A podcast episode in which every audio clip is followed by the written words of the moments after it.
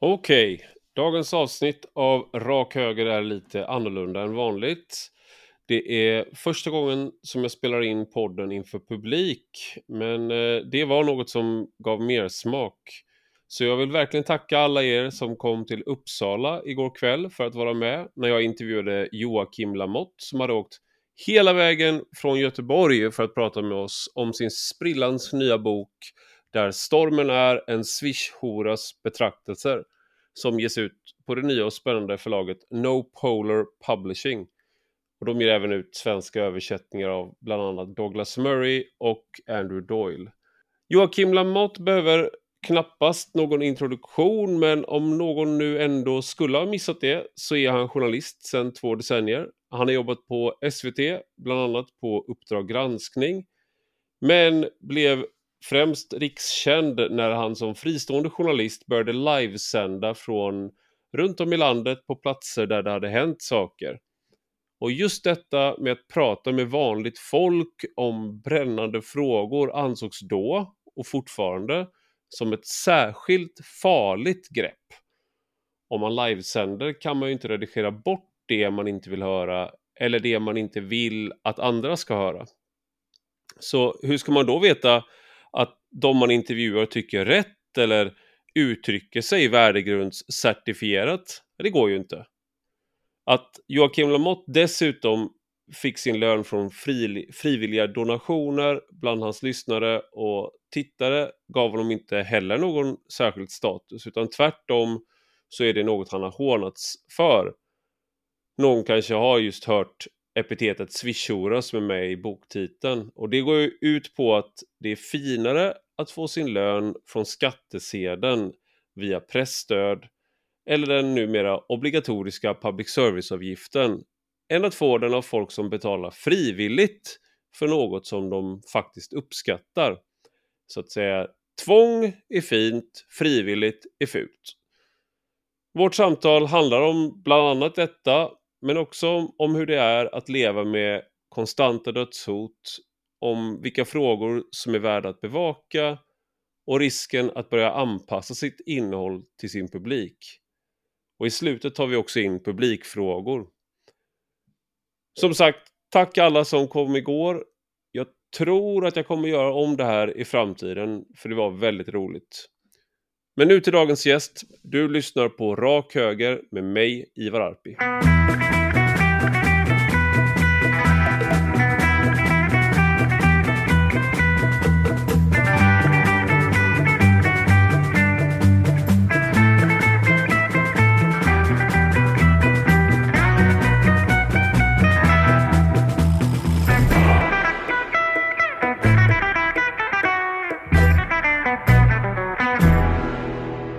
Väldigt roligt att vara här. Det blir första liksom, eh, livepodd är det ju inte riktigt för att det kommer inte läggas ut live. Så att det här är ni live, men podden läggs ut i efterhand. Mm.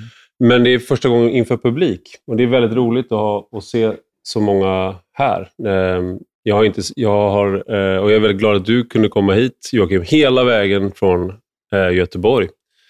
Ehm, ja, det var en pers. Ja, Jag ska säga varmt välkommen Joakim Lamotte till Rak Höger. Tack så mycket.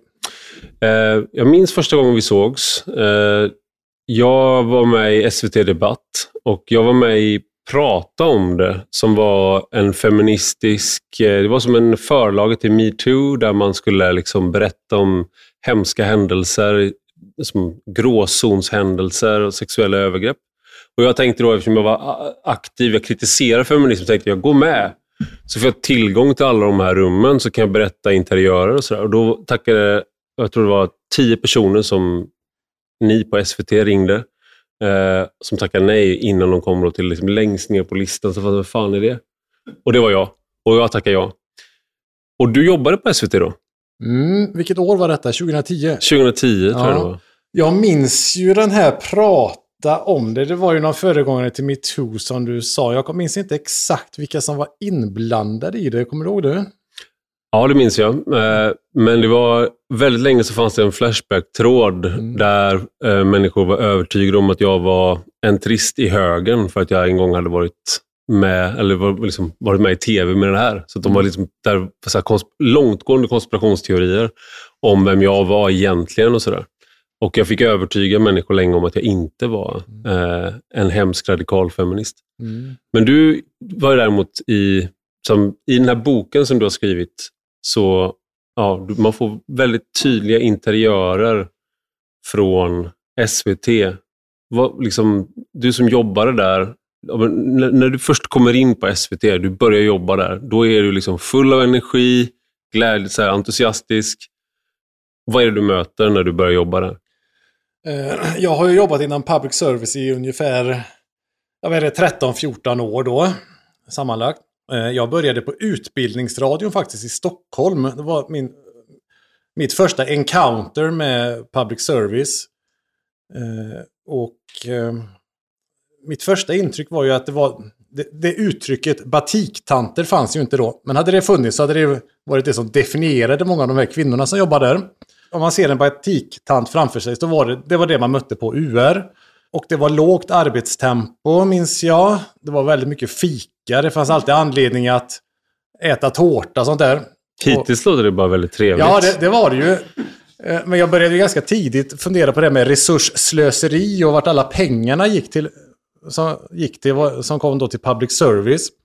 Jag vet någon gång jag, frågade, jag fick uppgift att jag skulle göra något reportage som var, skulle vara tre minuter långt. Och så frågade jag när ska det, det vara klart då? Nej, det ska vara klart om tre veckor, sa de. Ja, men det, Mm. det kan jag göra på två dagar, tänkte jag. Så gjorde jag det på två dagar. Och sen satt jag och vilade i några veckor. Det var ungefär så den... Eh, sen, var det, sen blev det lite skillnad när man kom in på, eh, på SVT och jobbade med Uppdrag granskning och, eller med nyheter eller med andra program. Då var det ju högre tempo. Men du fick ändå blodad tand på UR, just det här Ja. liksom, eh, med det här låga tempot och så. Det här klarar jag. Det var väl bra för självförtroendet om inte annat kanske. men i stora drag, det är ju ingen hemlighet, men public service är ju väldigt, de som jobbar där, det, det är ju väldigt stora drag åt vänster. Det, det drar åt vänster, det är ju ingen hemlighet längre, det vet ju de flesta idag. Eh, och jag beskriver väl ett par sådana exempel i boken som jag minns. Eh, sen är det säkert jättemycket saker som jag inte minns. Hell, eh, minns. Eh, sen finns det vissa saker som jag inte har tagit med. Men eh, jag har försökt ge en liten en bild av... Det är en scen där, där det är en... Eh, var, var du, du blev förvånad. Du beskriver hur din chef har rekryterat av 15 reportrar så har 10 utländsk bakgrund. Jag tror det var till ett barnprogram eller Ja, men jag, ungdomsprogram. jag jobbade ju då med ett barn och ungdomsprogram, ett konsumentprogram för ung, ungdomar hoppade jag in på och jobbade med någon säsong. Och då fick vi en del klagomål på att det var så mycket utländska barn av de här barnreportrarna och det tyckte då min chef, hon klagade alltid över det, vilka rasister då som skickar de här breven och mejlen då till redaktionen. Och så kom vi att prata om det där, att så frågade jag, men varför har du rekryterat så många med invandrarbakgrund? För det var en klar majoritet av de här barnreportrarna då som hade utländsk bakgrund. Och så tyckte jag väl, sa jag väl det att om man ska spegla samhället så kanske två, tre stycken ska ha utländsk bakgrund och så ska kanske resten då ska ha svensk bakgrund. Eh, och, då gick, och så frågade jag liksom varför hon hade gjort på det sättet. Och då sa hon ju rakt ut att det var för att hon ville få rasister och sverigedemokrater att sätta i halsen när de satte på tvn. Och då började jag fundera lite på, är det det som är vårt mål här på SVT, att vi ska få vissa då sätta i halsen när de sätter på tvn? Eh, Men det var ju, så, var det ju att det var ju väldigt viktigt, det är väldigt mycket med det som kallas för representation i rutan. Alltså man kvoterar in personer med, ja, med utländsk bakgrund för att kunna visa upp hur duktig man är. Det här, det, just det du sa där egentligen, det här att du, om vi ska spegla samhället, då kanske det ska vara två, tre. Det, när, det låter ju som att det, det är ditt, dina ord. Men det just det uttrycket vet jag som har granskat SVT och SR väldigt mycket på just de här frågorna. Att spegla samhället, det, är, det betyder någonting annat för dem, eh, på cheferna på SVT och SR, än vad det gör kanske eh, ja, här eller liksom när de pratar med gemene man. Spegla samhället då betyder eh, för de flesta, tror jag, att man ska skildra det som det är. Alltså det är det som är att spegla samhället, visa upp hur är samhället. Men på public service, som också, då är det ju att du ska det handlar om vilka, vilka identiteter du har, vilka, om du, liksom att vi måste ha med fler av den här gruppen och de här måste synas. Mm. Eller var det din erfarenhet också? Ja, men det var min... så som jag tänker var ju att det var, det var väldigt viktigt för vissa chefer att visa upp hur duktig man var. Och det bästa man kunde göra var ju att sätta en färgad person som programledare till exempel. Och sen spelar det ingen roll om den personen var bra eller dålig på sitt jobb och sådär. Vi föredrar begreppet icke-vit Ja. eh, nu för tiden. Ja, men, och, men det lustiga i det sammanhanget var ju hur de här, många av de här cheferna och mina gamla kollegor, de tyckte det var, men var bra, men då tar vi och sätter vi en sån som programledare och sen, men samtidigt så hade man inga kompisar som hade in, invandrarbakgrund. Då kom det en praktikant med invandrarbakgrund till redaktionen så fick de ju spel och visste inte vad de skulle ta sig till. Mm. Jag vet, det var någon gång på debattredaktionen de tog in någon som skulle göra prak- praktik som var någon asylsökande från Syrien eller något som hade pluggat journalistik där. Och vet du, mina, mina kamrater, de, de, de tog knappt i hand på honom. Mm. Och vet, då satte de, de satte mig med honom i en vecka, så fick han hänga med mig, för de tyckte att jag var så här bra på att prata med alla. Mm. Så hängde jag med honom en vecka, det var jättetrevligt, men de andra, du vet, de såg knappt honom. Mm. Samtidigt så var det så viktigt då att ha invandrare i rutan för att visa upp utåt hur duktig man var. Mm. Det där låter som ett, alltså det låter som ett, lite som ett mikrokosmos av en viss grupp av människor i samhället. Alltså samma människor som kanske man kallar helikopterföräldrar. Liksom att man skjutsar sina barn för att undvika alla sociala problem. Men man vill inte låta dem åka kollektivtrafik och liknande och ta risker. Eh, men samtidigt lär man barnen att de absolut inte ska vara dömande på något sätt. För att, eh, sådär. Men man, samtidigt så litar man inte på dem. Att de, de blir som, man tänker att på sina egna barn som dronter, för själv är man dömande. Men man vill inte erkänna det för sina barn, så då skjutsar man runt dem istället. Det låter liksom som en sån här, man lever inte som man lär. Nej, precis. Nej, absolut.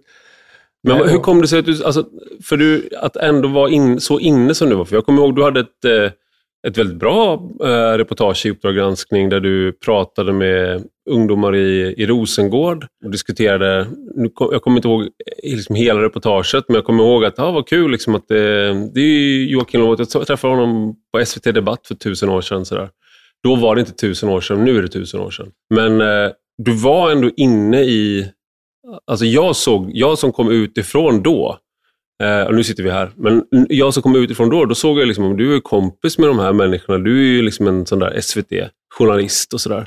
Mm. Eh, Vad var det som hände? ja, vad hände? hur kunde liksom? det gå så fel? Ja, på den tiden jobbade ju Tjejgrens Garnman också på Sveriges Ja. Radio, så det, var, det har hänt en del. Men vad var det som hände dig? Nej, men för min del var det väl så att jag, jag kände väl aldrig riktigt att jag passade in inom, på public service. Jag var, jag kan, inte- jag kan inte sätta exakt ord på det, men jag var lite annorlunda. Jag, var, jag förde mig lite annorlunda. Jag var, hade lite an, olika tankar. Jag kunde sitta på redaktionsmöten och säga saker som ingen annan fick för sig att säga. Det kändes som att det låg som en filt av, en åsiktsmässig filt över hela stämningen på public service. Jag kände mig stundtals väldigt bakbunden. Även om jag fick göra väldigt mycket så kändes det som att jag, var, jag kände mig hämmad i slutet. Eh, sen var jag också trött på arbetsförhållandena. Jag var trött på mina chefer. Jag längtade efter att få göra, alltså få göra precis vad jag ville. Jag längtade efter att få säga vad jag tyckte. Jag längtade efter att få åka ut och göra mina egna reportage och bli fri helt enkelt. Mm. Eh, Så till slut så bestämde jag ju mig för att jag aldrig mer skulle sätta min fot på public service. Detta var ju då eh, när sociala medier började komma och jag bör, försökte börja bygga upp en plattform på Facebook där jag märkte att man kunde, göra, man kunde skriva saker, man kunde göra, göra videoinlägg och till, sen kom, gick det så att man kunde börja göra live, eh, livesändningar. Mm. Och jag började experimentera med det, med det där och jag visste inte alls hur, jag, hur det skulle gå. Eh, Jag hade ju ingen inkomst då. Eh, Det är dåligt. Det var väldigt dåligt och vi hade precis fått barn och vi hade, skulle köpa hus. Och, det var, och jag sa till min fru det, men det kommer lösa sig, det kommer, jag kommer fixa detta, det kommer gå bra, sa jag. Mm. Även om jag inne, inne var jätteorolig och tänkte att det här kommer ju säkert bara gå åt helvete. Jag hör här att vi, Ja. vi, har, vi är väldigt olika och vi har Ja. olika dynamik. Jag, Ja. För jag sa det här kommer aldrig gå till min Ja. fru, så har jag sagt. Och så har hon sagt det, det, löser, Ja. det löser sig till mig. Och sen har det gjort det, men jag, jag, i, i, i mitt äktenskap när jag har tagit lite arbetslös och sånt där, då har det varit jag som det här, nu går det åt helvete. Ja. Ta det lugnt. Det, Ja. det, Nej, så jag, så I början så hade jag ett litet kontor inne i Göteborg med några andra frilansare. Och jag åkte in dit och bara satte mig och tittade och, och, och så här, drack kaffe med dem för att bara få lite socialt umgänge det. Och funderade, jag visste inte hur jag skulle... Hur skulle jag liksom klara mig? Hur skulle jag få göra de här reportagen som jag ville göra? mm. Men till slut så kom den här funktionen att man kunde göra livesändningar. Det var egentligen det som, ja, det var väl egentligen då som jag började få genomslag. När jag började åka ut i Sverige och göra nedslag på olika ställen där det hade hänt saker. Mm. När jag började experimentera med det, det var väl då jag började få genomslag. Det är intressant för det är en sån aspekt av det du har gjort som jag, jag tycker är lite ouppmärksammad. Hur den nya tekniken också, alltså möjliggjort en, en helt annan typ av journalistik. Och då har ju också många sagt att det är inte riktig journalistik. Mm. Eh, men sen har man ju sett hur eh, du har debattprogram då, som du, du var ju på SVT Debatt, men att man har försökt på SVT till exempel att ha att nu åker vi dit och så ställer vi upp de här borden som vi har i studion, men vi ställer det på ett annat ställe. Eh, och så ska vi prata om den här frågan. Men det du gjorde var ju liksom mer live, alltså du, du, du kom tätare in på händelsen, kom tätare in på människor och inte Eh, regisserat av eh, olika redaktörer eller av en organisation. Och då fick du också kritiken, det här är inte riktig journalistik, att prata med människor så här ofiltrerat. Nej, precis. Och jag vet ju att vi, mina chefer stångade ju sig blodiga hela tiden mm, på SVT för, i den här kampen om att eh, hitta sätt att interagera med tittarna. Det var ju något som vi fick alltid göra. Vi måste hitta nya kreativa sätt att interagera med publiken. Och ehm, sen då den här, jag minns de första livesändningarna då som kom. Den första som gjorde en livesändning på Facebook, jag tror det var 2015, det var um, The Rock, Anthony, Anthony Johnson. Mm. Han var den första som gjorde en livesändning på Facebook. Han stod och bara pratade i sitt gym. Facebook hade betalat honom då för att han skulle göra en livesändning. Eh, och jag vet att jag såg det där och tänkte, vad fasen, vad kul det var om man skulle kunna göra sådana här livesändningar själv. Mm. Och sen släppte de den här funktionen i Sverige då, fast då var det inte, alla fick inte det, men hade man en sida, inte en privat profil utan någon typ företagssida, så kunde man göra, göra livesändningar, om jag, om jag minns det rätt då. Och så fort den funktionen kom så tänkte jag att nu jävlar ska jag testa det här. Det är ju det här man alltid har velat så här, vi har pratat om på public service, att mm. ha den här interaktionen med publiken. Så jag gav mig ut en natt i Göteborg. Då hade det varit, det har varit mycket oroligheter i Göteborg. Eh, och jag tänkte jag ska jag ger mig ut och... Jo, det, och det var när de här Soldiers of Odin var och patrullerade. Kommer ni ihåg dem? Det, ja. det var ju de här då som skulle ha medborgargarden. De är i Valhall nu tror jag. ja, och jag tänkte det är ju spännande att se om man kan ge sig ut live och sända om otryggheten i Göteborg och se om man kan få se vilka de här är. Så jag gav mig bara ut och satte mig i en bil. Nu kommer jag göra det här och det här och det här. Och så märkte jag att tittarna droppade in. Nu är det ju jättevanligt med livesändningar, men då var det inte det. Då var det någonting unikt och folk började skriva. Det är också väldigt vanligt att man gör det i bilar. Ja. Jag såg liksom så här, något skämt på Instagram. Var, var, var finns, det var någon som frågade var finns alla 30-40-åringar? Och så är det någon som svarar och sitter trött. Vi, vi sitter alltid i bilen. Vi sitter alltid vi lämnar barn, vi hämtar barn, vi bara sitter i bilen. Vi, alla telefoner, allting sker i bilen. Vi jobbar i bilen, vi äter ja, i bilen. Och du livesänder i bilen, men ja, då men då, var du, då började då bilen. Sen gick nytt. jag ut på gatorna där. Jag åkte mm. spårvagn, jag gick in olika gränder, gick på, kro eh, gick på krogen och så här, sände mm. live och frågade tjejer hur de upplevde stämningen i Göteborg. Och ja. var i Nordstad, jag var överallt. Så här, och folk började, här, hundratals, upp till tusen kommentarer vet jag i kommentarsfältet. Gå dit, prata med den, ställ den frågan. Mm. Nu har vi hört att Soldiers of Odin är vid Vasaplatsen, gå dit. Och så gick jag dit. Och, så ja. Och det var... Eh, jag minns, just, jag tyckte det var så fascinerande just att det här, under alla år jag har jobbat med SVT så har vi pratat om just det med att hur ska vi hitta nya sätt att nå, eh, eh att inte interagera med publiken. Och så gjorde de den här livesändningen som fick jättemycket tittning och mycket interaktioner. Och så tänkte jag, det här kommer ju mina gamla kollegor tycka är fantastiskt. Mm. Gjorde de det? Nej, det, men då fick jag ju höra att det här var ju inte riktig journalistik. Jag vet att och det var Johan Hilton som skrev i DN då också att han hade sett, jämförde mig med här, Pelefant på rundvandring i Göteborg. Eller så det, nu, gjorde, nu gjorde du ett kardinalfel och det var för att det var faktiskt roligt av honom. Ja, ja, det var, ja men, det var, ja, men jag, jag skrattade jättemycket ja. när jag läste det. Ja. Jag skratt, och så skrev, så skrev han, förutspådde en fruktansvärd framtid för journalistiken. Och, mm. eh, och, och, och, nu har han ju tagit över GPs kultursida ja. och infriat sin egen farhåga. Ja.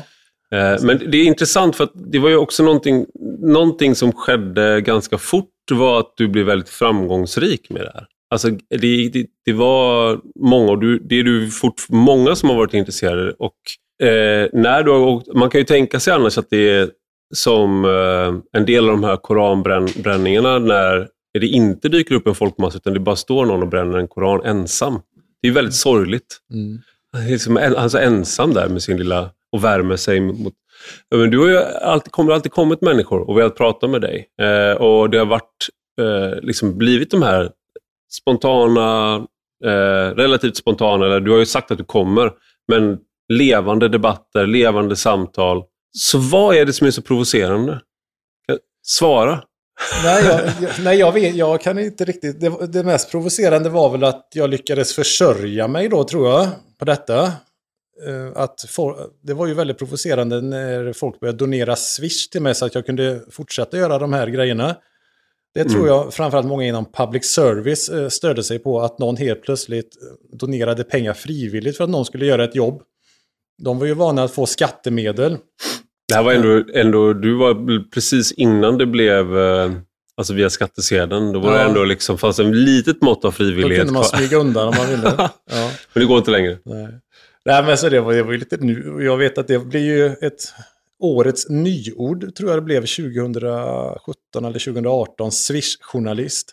Mm. Eh, Vad är det som är, det, det, det, det är också en sån där sak. Nu är jag ju, eh, här kanske jag får eh, då anmäl, så här, eh, anmäla att jag har, inte är helt neutral då, eftersom jag också är en Swish-journalist, eh, typ. Men är det inte liksom någonting positivt eh, att du, liksom, du, du, du ligger inte någon till last, du tvingar ingen att betala, utan det är så här, om man ser ett värde i det du gör, så, eh, det, så, så, så betalar man och man så här, jag vill ha mer av det här. Mm. Eh, så vad är, vad är det man eh, ogillar? Har du förstått det? Nej, men jag tror att många har svårt för det, att man kan försörja sig på egen hand, framförallt public service-journalister tycker väl det. Eh, Men nu är det inte så kontroversiellt längre. Nu är varenda, var och varannan människa alltså lever Mm. på donationer eller så. Men sen tror jag att de som har en lite mer seriös kritik, det är väl att man kanske då blir eh, väljer så, göra sådana saker eller vinkla på ett sätt så att man eh, så att man tjänar mer pengar. Och det, så kan det väl kanske vara då. Men har du upplevt, för jag, det, här, det, här, det här är en sån sak som återkommer i amerikansk kontext också. Audience capture kallar de det i, på engelska. Eh, och diskussioner då i den motsvarande sfär som, som vi båda tillhör i, i Sverige då, av människor som inte är, är betalda av en stor arbetsgivare utan av prenumeranter eller sådär. Men personligen så när jag gick från att vara på Svenska Dagbladets ledarsida, då förhåller du dig hela tiden till... Eh, de, de, för det första så mäter de allting, och du vet att de gör på SVT, SVT också. På SVT så har de ledartavlor där du ser liksom hur, många, hur många läsningar, hur många nya prenumeranter genererar varje text. Du har topplistor. Så att du ser liksom, hur ligger jag till gentemot mina kollegor som man ska tävla. Liksom. Så att du mäter allting på längre så har du hela tiden uppföljningar på hur bra, hur bra du presterar. Och Det där är också någonting varje år när du har lönesamtal för att du ska kunna äska och liksom få tillhöra de här olika kategorierna. Som att du kan få mer lönepåslag. Så ska du visa att du har genererat fler prenumeranter. Eh, och alla satsningar utvärderas på det sättet. Jag har inte de verktygen nu. Alltså jag, det, jag, finns inte, jag, jag kan inte se allt det där. Eh, så nu är det mer att jag, nu kan jag, är jag inte lika audience captured, för jag vet inte längre vad folk gillar i samma utsträckning. Plus att om du är din egen så behöver du inte bry dig om dina kollegors och dina chefers i, alltså ideologiska inst, in, ingångspunkter. Nej. utgångspunkter. Eh, då är du helt fri att göra vad du själv vill. Har du känt dig styrd dock av liksom din publik? Nej, det har jag väl inte gjort så. Utan jag, för mig har det bara varit så att helt plötsligt fick jag möjlighet att göra precis vad jag ville göra. Och, och så blev jag väldigt glad att det uppskattades av så många. Men givetvis, men det var, jag vill ju ha så stort genomslag för det jag gör som möjligt. Men det är ju för att jag vill, det vill ju alla journalister. Skriver man ett reportage eller en ledartext eller opinion, en debattartikel, då vill man ju att den ska läsas eller att det ska tittas på av så många som möjligt. Det spelar ju ingen roll om man går på Swish eller om man jobbar som journalist på SVT eller om man sitter på eh, Dagens Nyheter. Man vill ju att det, som, om man har något driv som journalist så vill man ju att det man gör ska nå ut till så många som möjligt. Mm. Så väl snarare det som har varit min drivkraft mer än att få in Swish. Men sen, givetvis blev jag väldigt glad att folk uppskattade det jag gjorde och valde att donera så att jag kunde fortsätta göra det. Den här, eh, en sak som går förlorat när man går ut ur eh, eh, en organisation är ju kollegor. Och det har varit, först kom ju covid för, för min del och sen eh, eh, bad jag mina arbetsgivare på Bulletin och dra åt helvete. Och, och så blev jag min egen. Och det är, Jag ångrar inte det, men det är, man, man blir lite ensam. Men en sak som jag inte har blivit av med, det är ju eh, här, mina eh, intellektuella kollegor, så att säga. Jag kan höra av mig till folk jag känner. Men du förlorade ju liksom människor som du kanske hade bollat med, på, som du var kompis med. sånt där. En, del av de där förlorade du, har jag förstått det som. Hur stor förlust var det? Alltså att bli av med din, eh, dina kollegor? Eh, egentligen. Jag tyckte att det var tråkigt i vissa stunder. De flesta av mina gamla vänner på SVT, de var ju ja, vänster eller åt det hållet. Eh, när jag började jobba på SVT så var jag också mer vänster än höger, men tröttnade på den här, tröttnade på den här likriktningen efter ett tag. Eh, men sen när jag valde att göra det jag gjorde så märkte jag ju tydligt att många av de här de slutade så här, likea mina Facebook-inlägg mm. eller de slutade smsa och sådär. Och vissa tycker jag är jättetråkigt att jag inte har kontakt med längre. Jag minns här vid, till exempel vid julfester. Jag såg att de la upp bilder på uh, Facebook från julfester. Så jag tyckte det var tråkigt att jag inte var där. Som en... Samtidigt har jag ju alltid haft en annan bekantskapskrets som inte varit inne i den här mediesvängen. Eh, som inte håller på med Twitter eller åsikts, alltså journalistik överhuvudtaget. Och det har varit väldigt skönt att ha det. Sådana som liksom bara säger, ja, jag förstår inte varför alla är så upprörda. Du vet, de som, som mm. inte alls inne i det här. Mm. Men eh, visst, jag saknar vissa gamla kollegor. Jag, hade, jag, hade ju, jag jobbade ju många år där och jag lärde känna många. och Vissa har jag kontakt med fortfarande, men det är inte så, så som det var förr.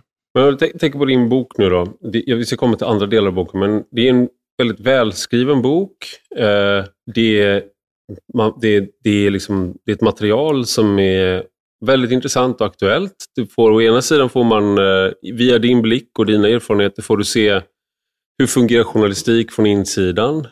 Du får interiörerna från SVT och det borde vara intressant för dem kan man tänka sig. Du får också, man får också följa med dig dit där det bränner till på olika ställen och du är där och det händer saker, du träffar människor. Eh, det handlar om där det har skett en gruppvåldtäkt, det är liksom, bilar har brunnit i Frölunda i Göteborg, tilltagande otrygghet, kriminalitet i Kronoberg, liksom i Trollhättan.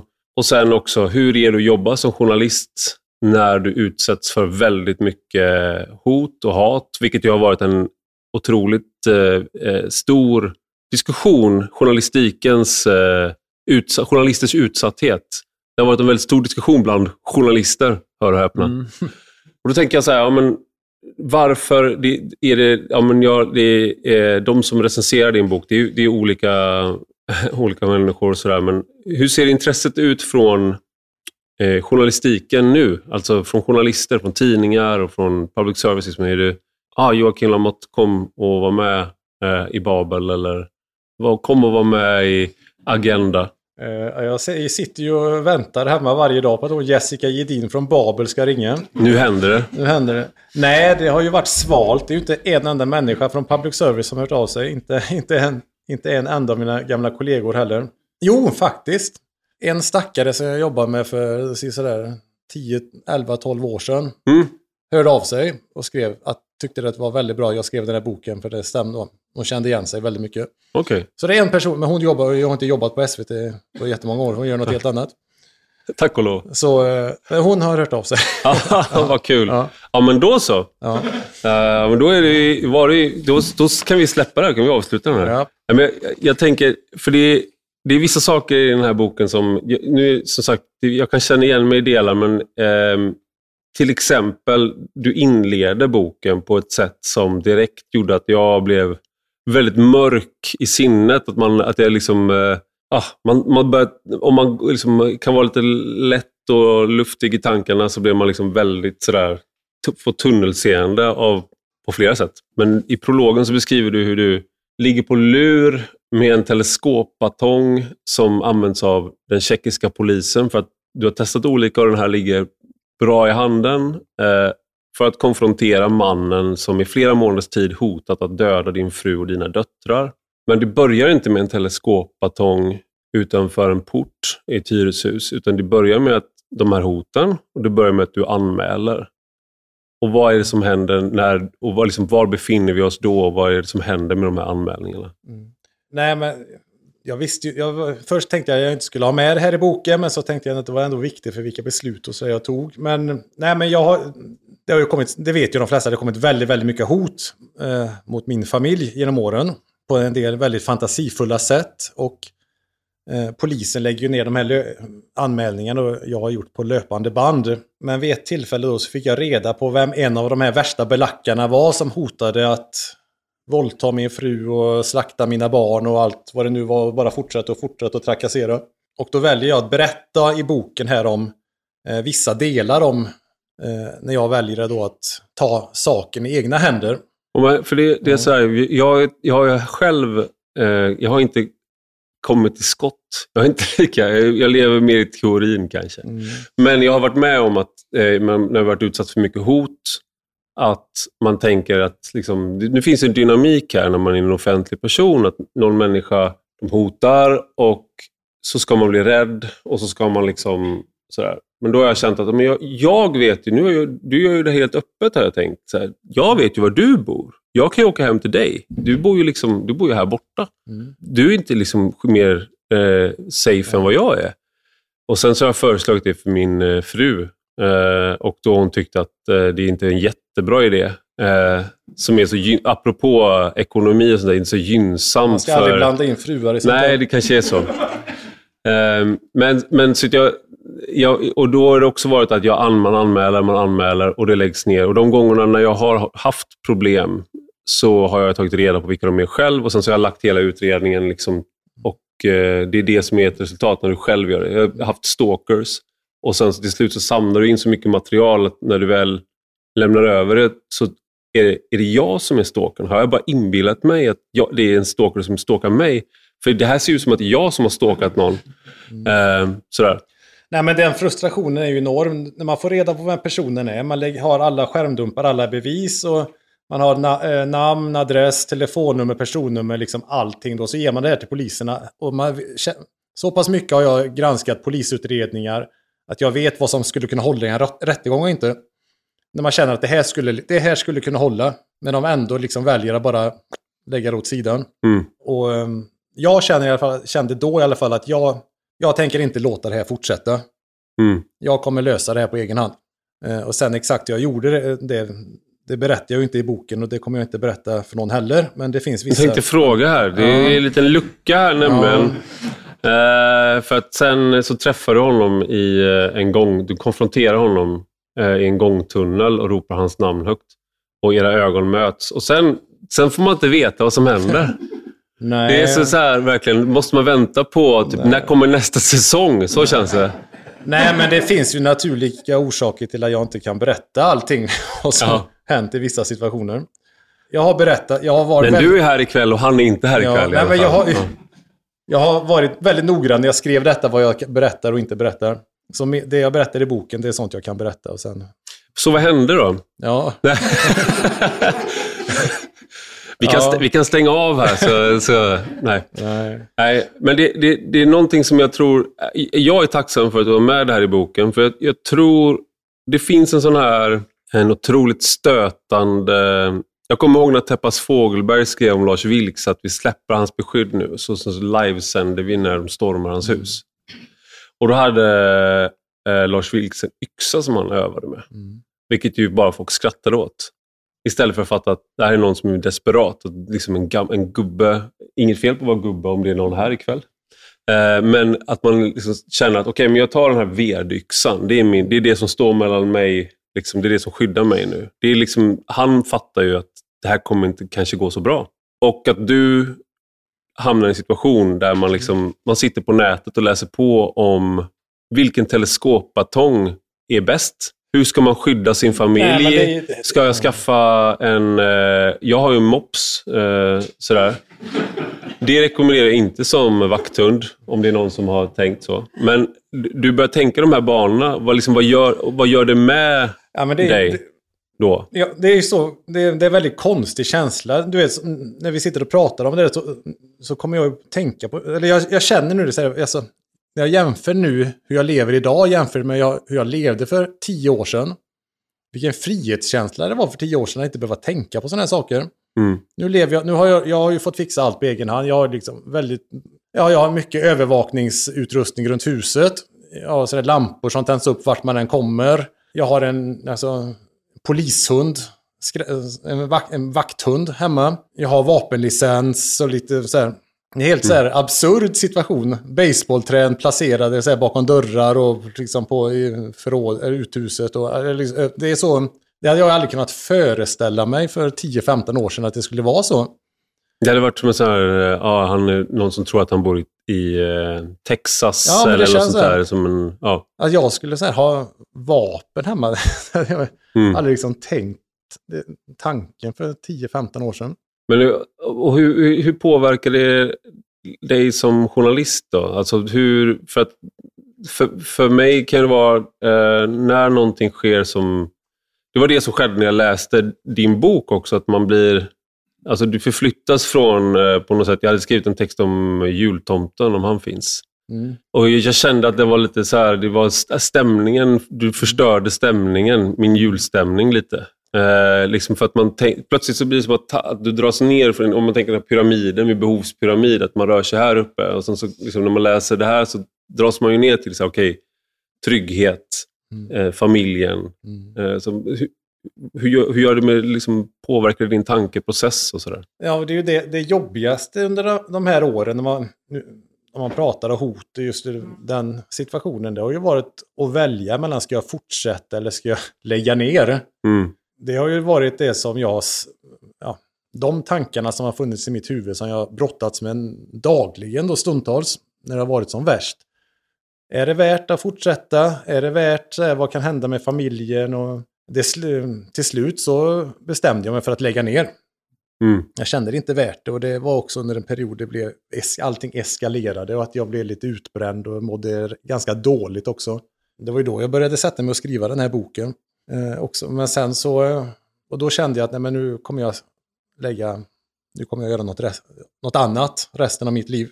Eh, men det lyckades du inte hålla så bra? Nej. Eh... Alltså, va, va, för att jag, jag, har känt, ibland har jag tänkt så här, vad ska man, om jag, om jag inte gjorde det här, vad skulle jag göra då? Jag anmälde mig och min eh, storebror. Eh, han, han, alltså det var inte mot hans vilja, men vi anmälde oss till en svetskurs. Mm. Eh, men jag kommer nog inte bli svetsare. Eh, men eh, det var liksom, man, har, man har så tankar på, vad skulle man kunna göra om inte det här? Vad skulle man kunna göra då? Vad, vad tänkte du då under den här perioden? Då? Jag, väl, jag var lite inne på att ska jag öppna ett kampsportsgym? Ska jag ta lastbilskörkort? Det var, så här, mm. var lite, det var allt möjligt jag tänkte. Men jag insåg att jag, jag älskar journalistiken för mycket. Jag älskar samhällsdebatt och framförallt så älskar jag att skildra samhället. Eh, och jag har märkt att ibland är jag bra, ganska bra på det, ibland är jag mindre bra, på det. Men så till slut så... Och sen tog det ju ett tag innan jag kunde komma liksom i psykisk form igen. För jag var det hade blivit för mycket. Jag hade gått in i väggen helt enkelt. Men ju mer månaderna gick, desto alltså, mer återkom energin så att säga. Dessutom så började polisen visa intresse för vissa anmälningar och utreda vissa saker. En anledning till att jag valde att bara lägga ner var också i, nästan i protest mot att polisen bara sket i allt detta. Du var ju också en eh, Erik Nord som var polischefen eh, då i alla fall. Jag vet inte om han fortfarande är det, men han för, eh, för Storgöteborg. Ja. Han eh, menade att du liksom, du, du, eh, du, du gör det här själv. Det här, du orsakar det här för dig själv. Du provocerar fram det här och vi i rättsapparaten, i polisen, vi, vi kan inte liksom, vi, har, vi, kan, vi är inte byggda för den här formen av provokativ journalistik, mm. formulerar han det. Och att ja, han utvecklade också resonemanget i tidningen Bulletin. Jag upplever att, så här sa han då, att jag upplever att Joakim väljer att kliva in i det här självmant, trots de risker som finns förknippade med det. Jag kan konstatera att det är hans fria val, men att det inte är nödvändigt att göra det. Eh, ja, precis. Och det fick ju en del reaktioner, de där uttalandena. Eh, för mig väckte det någon slags revanschlusta, men jag vet att han fick ju väldigt mycket kritik och det var polis, många poliser som hörde av sig till mig och sa att vi står inte bakom Erik Nords uttalanden. Eh, detta var ju då när jag slutade som journalist. Och det kan man ju tycka, man kan tycka vad man vill om att en polischef går ut och säger så. Eh, men jag vet, det är ju många, många som tycker att det jag har gjort är inte riktig journalistik. Eh, och jag vet inte riktigt hur definierar man riktig journalistik. Ett sätt, en definition är väl att man visar upp, påvisar problem i samhället. Och när jag åker ut och visar upp då folk som kastar sten mot poliser, det skapar kaos i sina områden eller har debatter på stan där folk berättar om hur deras ungar har blivit våldtagna och allt sånt där. Och miljontals människor tittar på detta. Då tänker jag ändå att, det är, att det är någon form av journalistik. Mm. Eh, att man berättar om missförhållanden eller skildrar delar av samhället. Eh, sen kan man ju diskutera så här om vad visar jag upp en för mörk bild, visar jag inte hela sanningen? Eller så visar, om jag åker till något ställe. Det har jag ofta fått höra att jag visar bara upp ena sidan och sådär. Jag visar inte upp det som är bra i förorten till exempel. Men jag känner att visst, vissa saker har jag lyft fram som kanske har något slags värde i alla fall. Jag tycker jag som journalistik. Det, du har ofta varit eh, saker som har att göra med de här nya, eller det är inte nytt, men det är de, de ämnen som har blivit de viktigaste ämnena om du frågar väljare eh, hur de prioriterar som brottslighet, eh, invandring, integration. Det är där, liksom, i många av de ämnena som du har, där du helt enkelt har varit ganska orädd. Både då om man tänker en, en åsiktskorridor, eh, men också att du har åkt dit. För att vi är ganska många som har kanske tryckt på åsiktskorridoren på olika sätt, men många gånger färre som har åkt till de här platserna. Mm. Eh, och vid några av de här tillfällena så bränner det ju till väldigt mycket. Vid ett tillfälle när du är i Kronoberg i, i Trollhättan. Kronogården. Kronogården. Alltså, ja, men Kronogården. Då eh, så är det ju ganska, blir det ju ganska farligt också. Och eh, det, det, är många av de här... Det, var, det är en sak som jag tänker, det återkommer egentligen till det här med att du får hot mot dig själv. Att kan man behålla en, eh, liksom en nykter syn på samhället när man är i skottlinjen så mycket och, och ser, liksom, vad ska man säga, du pratar med människor som har varit med om hemska saker, skildrar hemska eh, saker som sker. Kan man behålla liksom en balanserad syn då, där man också ser det ljusa? Eller, och är... Man kan ju ha den ambitionen i alla fall att jag, ibland känner jag så här, varför hatar jag inte de här människorna som beter sig så här ännu mer än vad jag gör egentligen med tanke på vad allt de har gjort som, och vad jag har sett och hur de har betett sig och allt de har sagt till mig. Som, och eh, visst, det gör jag ju på ett sätt, men samtidigt så försöker jag hålla mig ganska kall. Eh, att, jag tror det är väldigt lätt hänt att man, att man låter så här, att, att man låter hatet ta över mm. alltihop. Och jag tror inte jag, jag tror kanske många inte hade klandrat mig ifall jag hade gjort det heller, men jag försöker ändå liksom hitta den balansen att jag förstår att visst, de här killarna och allt det här, men det finns även också så andra saker att skildra och det har jag också gjort i boken. Så jag har ju inte bara skildrat de här ortengrabbarna som begår brott med Adidas-byxor, utan jag har även försökt faktiskt att visa även lite andra karaktärer och människor jag mött genom åren som, som kanske inte heller så ofta kommer tillbaka till tals när man åker till förorten. Men det är ju inte för att jag känner att jag så vill vill förminska allt det dåliga som händer. Utan jag känner ändå någonstans att man kan inte, man kan inte bara åka till, om man nu ska spegla vissa områden, eh, så kan man kanske inte bara visa upp stenkastare. Mm. Utan man får ju ändå, man får, det, finns ju, det finns ju en vardag, det är lugnt där också. Det finns människor som lever med detta, människor liksom med tankar som du och jag, som vill uppfostra sina barn väl, vill att skolan ska fungera och sådär. Eh, och det har, jag, det, har, det har jag varit väldigt noggrann med i boken att få med de här människorna också. Så mm. det inte bara blivit där att Lamotte åker till en förort och så kastas det sten och så skriks det horunge och så mammaknullare och så är det bra med det. Och så en raket också på det. Jaha. Mm. Nej men du vet så... Så jag har faktiskt verkligen velat försöka skildra mer än bara det här stöket och bråket och, och sånt. Men det ligger ju latent där hela tiden givetvis, för det är ju så stor del av den verkligheten. Men jag har försökt mm möta och träffa de människorna i de områdena som drabbas av det. Mm.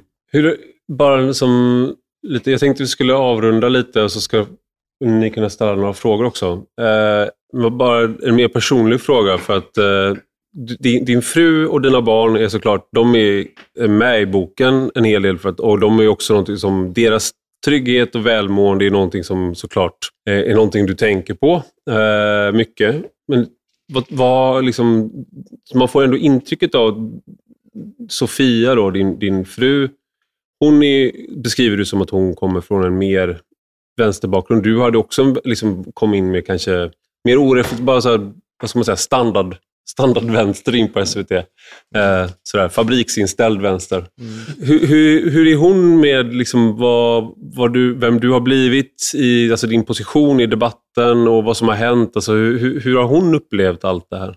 Ja, det har inte varit för, lätt. För hennes talan nu. Jag ska mansplaina lite. Ja, mansplaina. Nej, men det har ju inte varit lätt givetvis att få höra liksom, att hon var ju fasen med i Ung Vänster när hon var yngre. Och så helt plötsligt så är hon gift med ett högerspöke som folk kallar för nazist. Mm.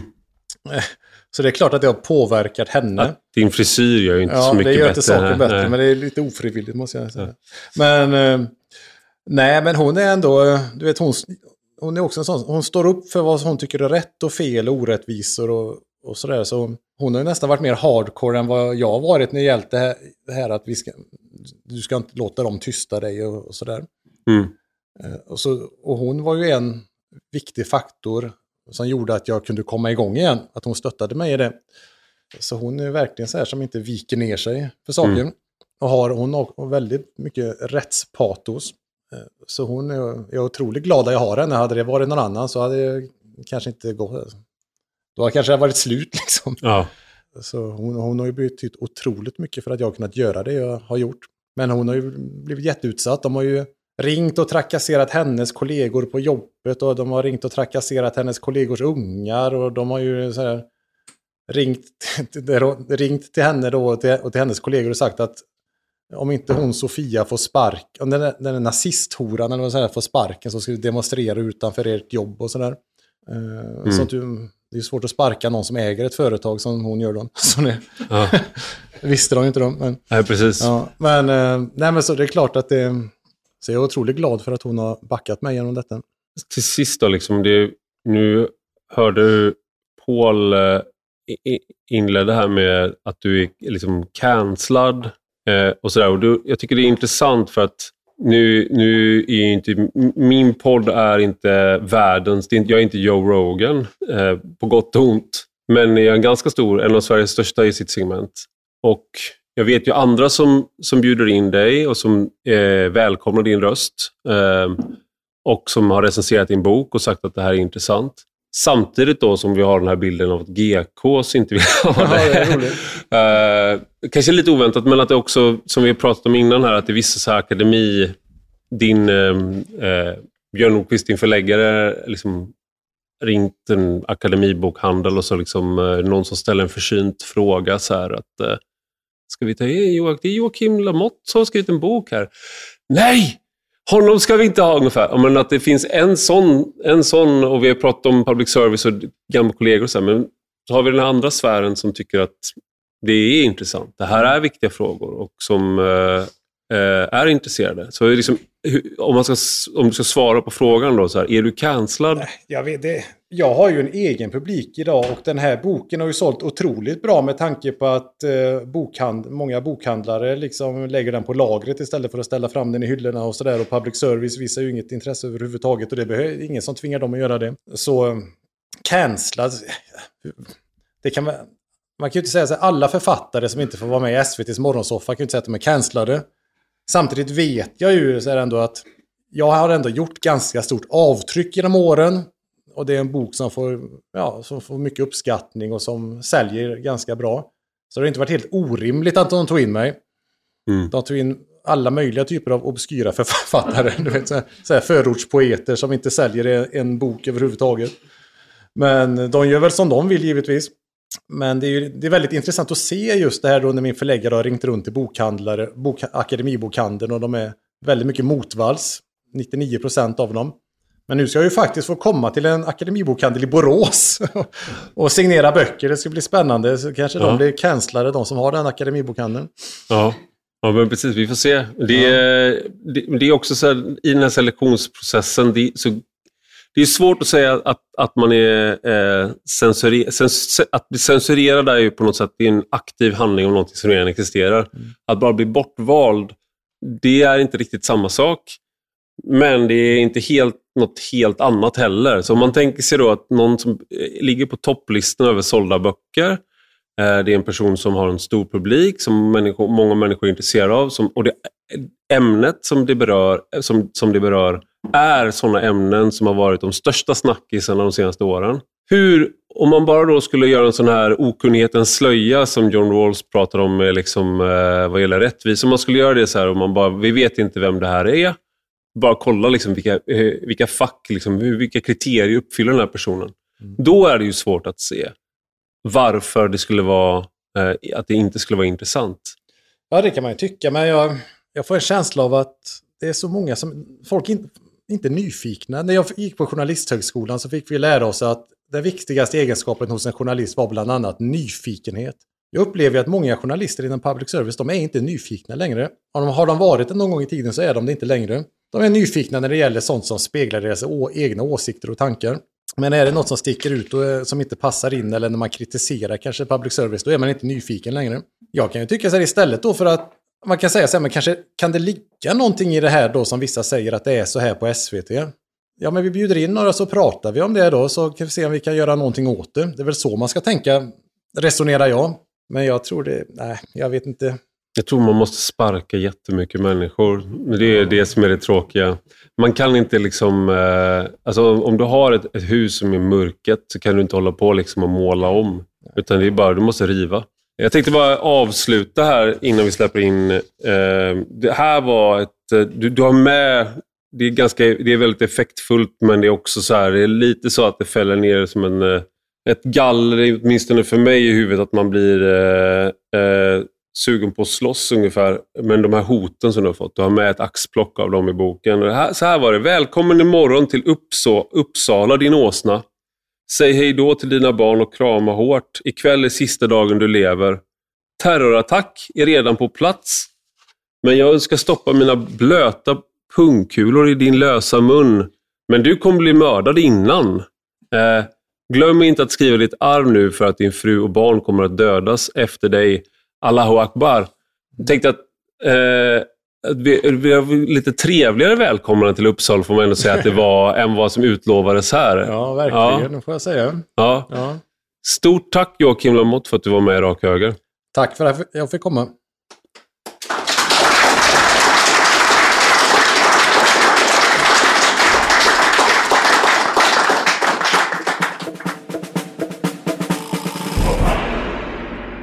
Hej! Ivar Arpe här. Vi på Rak Höger får inget pressstöd. Vi tar inte emot pengar från någon intresseorganisation eller lobbygrupp. Så det är endast tack vare er prenumeranter som vi kan fortsätta vara självständiga röster i en konform samtid. Men för att det ska fungera behöver en del av er som inte redan är det bli betalande prenumeranter. Och Som betalande prenumerant får du även möjlighet att ställa frågor till gäster, kommentera artiklar och poddar samt även läsa texter som ligger bakom betalväggen. Dessutom ingår podden Under all kritik som jag har ihop med Anna-Karin Windham. Så gå in på enrakhoger.se subscribe och välj vilken prenumeration som passar dig bäst. För 5 euro i månaden eller 50 om året får du tillgång till allt material på rak höger. Vi hörs nästa avsnitt igen.